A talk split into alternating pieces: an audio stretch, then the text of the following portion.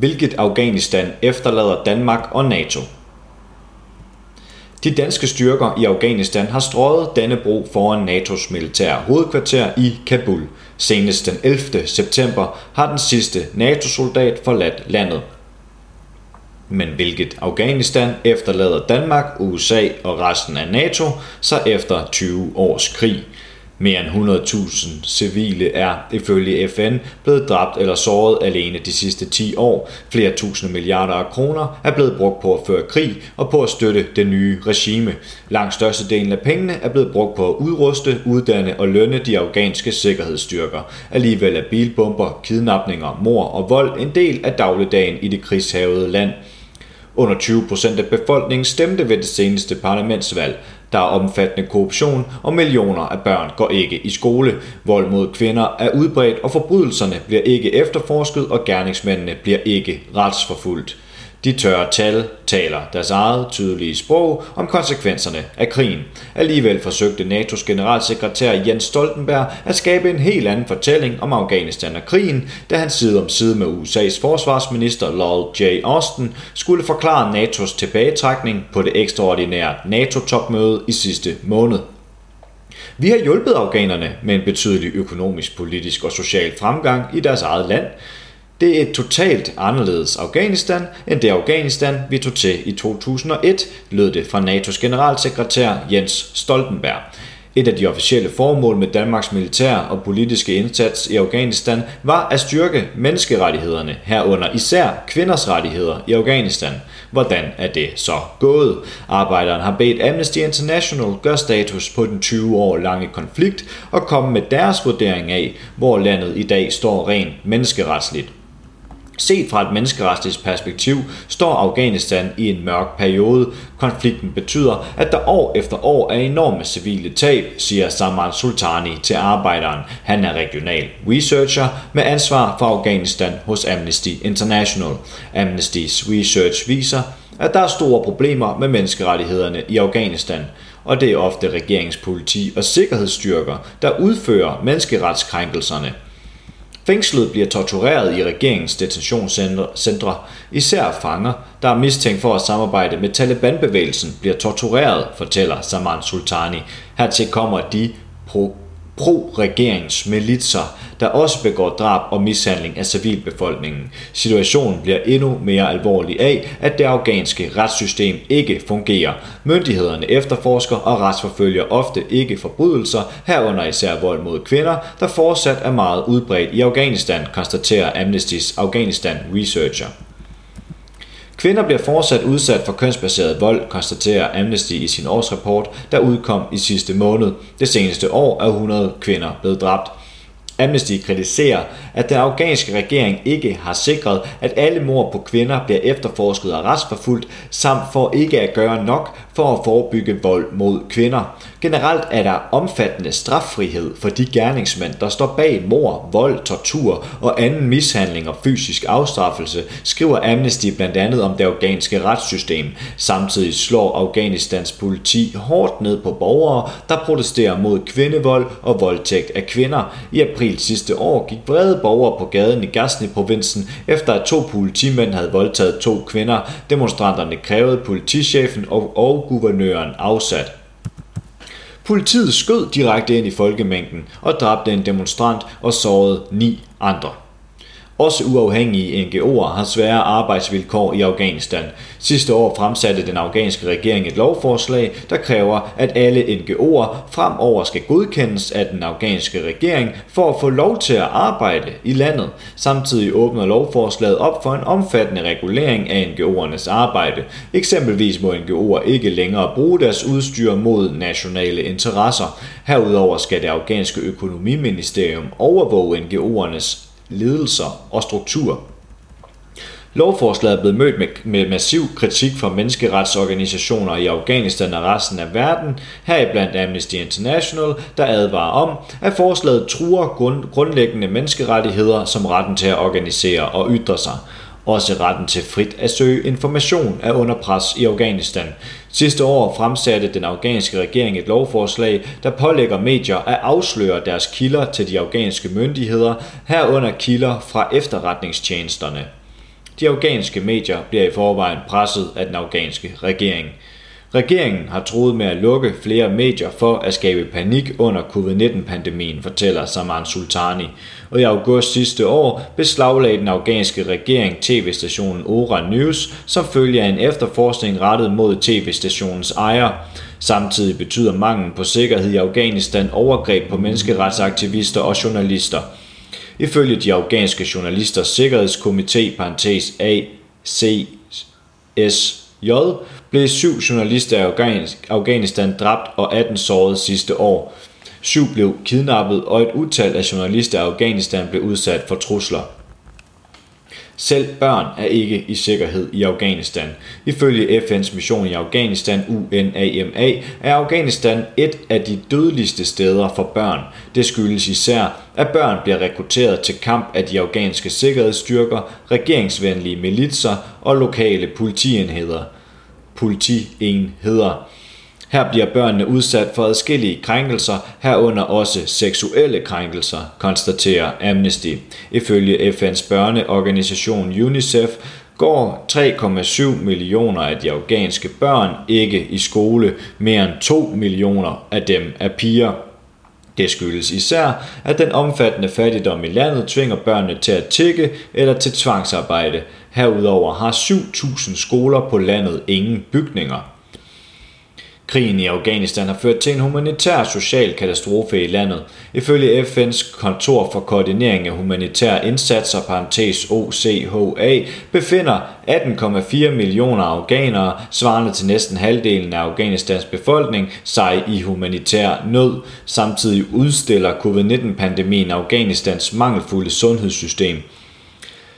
Der er ikke engang til at blive testet i landområderne i Afghanistan, og dem, der har mest brug for hjælp af sundhedsvæsenet, bliver svigtet, skriver Amnesty International i sin årsrapport. International økonomisk hjælp til at håndtere pandemien er under mistanke for at være havnet i lommerne på korrupte embedsfolk, konstaterer Amnesty International videre. Over halvdelen af den afghanske befolkning lever under FN's officielle fattigdomsgrænse, og landets sundhedssystem fungerer ikke. Der er ikke adgang til rent drikkevand i store dele af landet. Menneskerettigheder som adgang til sundhed, bekæmpelse af fattigdom og økonomiske og sociale rettigheder er bundne opgaver, som den afghanske regering er forpligtet til at sikre, fastslår Saman Sultani. Den seneste undersøgelse af afghanernes levevilkår foretaget af forskernetværket Afghanistan Analysis Network viser, at 80% af arbejdsstyrken har usikkert arbejde under dårlige forhold. forhold. Heraf er 16% løsarbejdere, der dag efter dag byder sig til ved opsamlingssteder i byerne. Borgere, der går på gaden for at protestere og kræve bedre økonomiske og sociale kår, gør det med livet som indsats. Den 9. maj sidste år demonstrerede vrede borgere mod regeringens uretfærdige fordeling af brød til fattige familier under et covid-19-udbrud i Gore-provinsen. Demonstranterne samlede sig foran den lokale guvernørs bygning i byen Firuzkoh for at kræve økonomisk hjælp til at kunne stå imod covid-19-pandemien. Men det afghanske politi åbnede ild mod demonstrationen og skød og dræbte fire demonstranter, heriblandt en journalist, der dækkede protesterne. Politiets kugler sårede 14 demonstranter. Ifølge FN's mission i Afghanistan, parentes UNAMA, er 110.000 civile blevet dræbt eller såret siden FN i 2009 systematisk begyndte at registrere de civile ofre. Alene sidste år blev 3.035 civile dræbt og 5.785 civile såret, fremgår det af UNAMA's seneste årsrapport. Pro-regeringens styrker står, ifølge Amnesty, for cirka en fjerdedel af alle drab og overgreb på civile. To årtier med NATO-soldater i Afghanistan har ikke ført til mere sikkerhed for den afghanske befolkning. I øjeblikket findes der næsten 5 millioner internt fordrevne i Afghanistan, fortæller Saman Sultani fra Amnesty International. Ifølge den seneste oversigt over korruption i verden, som Transparency International udgiver årligt, er Afghanistan et af verdens mest korrupte og ligger i bund som nummer 165 ud af 180 lande, når det gælder om at bekæmpe korruption. FN advarer om, at korruption udgør en af de største trusler mod fred og fremgang i Afghanistan. Ifølge FN påvirker korruption alle aspekter af tilværelsen for almindelige mennesker i Afghanistan. Korruptionen er med til at udhule tilliden til regeringsinstitutioner og hindrer bestræbelserne på at sikre fred og fremgang i det krigshavede land, Korruption undergraver retssystemet og åbner dørene for mere kriminalitet, hvormed det skaber en ond cirkel og en kultur af straffrihed, advarer FN's særlige udsending til Afghanistan, Tadamichi Yamamoto. Menneskeretsaktivister, der råber op om den omfattende korruption i landet, er ikke populære hos myndighederne. Helmand-provinsen i Afghanistan det område, som danske soldater i perioden 2006-2014 deltog i hårde kampe, døde og blev lemlæstet for at forsvare, er nu i Amnesty International søgelys for korruption.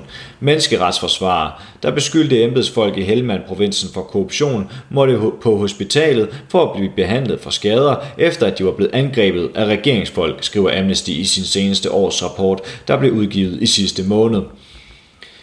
En af de danske hjælpeorganisationer, der i årvis har arbejdet i Afghanistan, er DACA. De seneste år har DACA oplevet, hvordan fattigdommen i landet er taget til.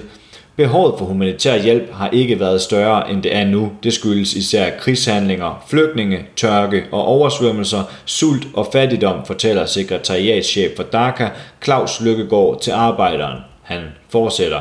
Det er kun blandt dele af befolkningen i storbyerne, at man har oplevet vækst og social fremgang. Ude på landet, hvor 75% af befolkningen bor, har man ikke oplevet samme fremgang. Ude på landet er det meget begrænset, i hvilket omfang regeringen når ud. Her er det overvejende hjælpeorganisationer og en vis grad Taliban-bevægelsen og lokale krigsherrer, der leverer humanitær hjælp og økonomisk hjælp til den lokale befolkning.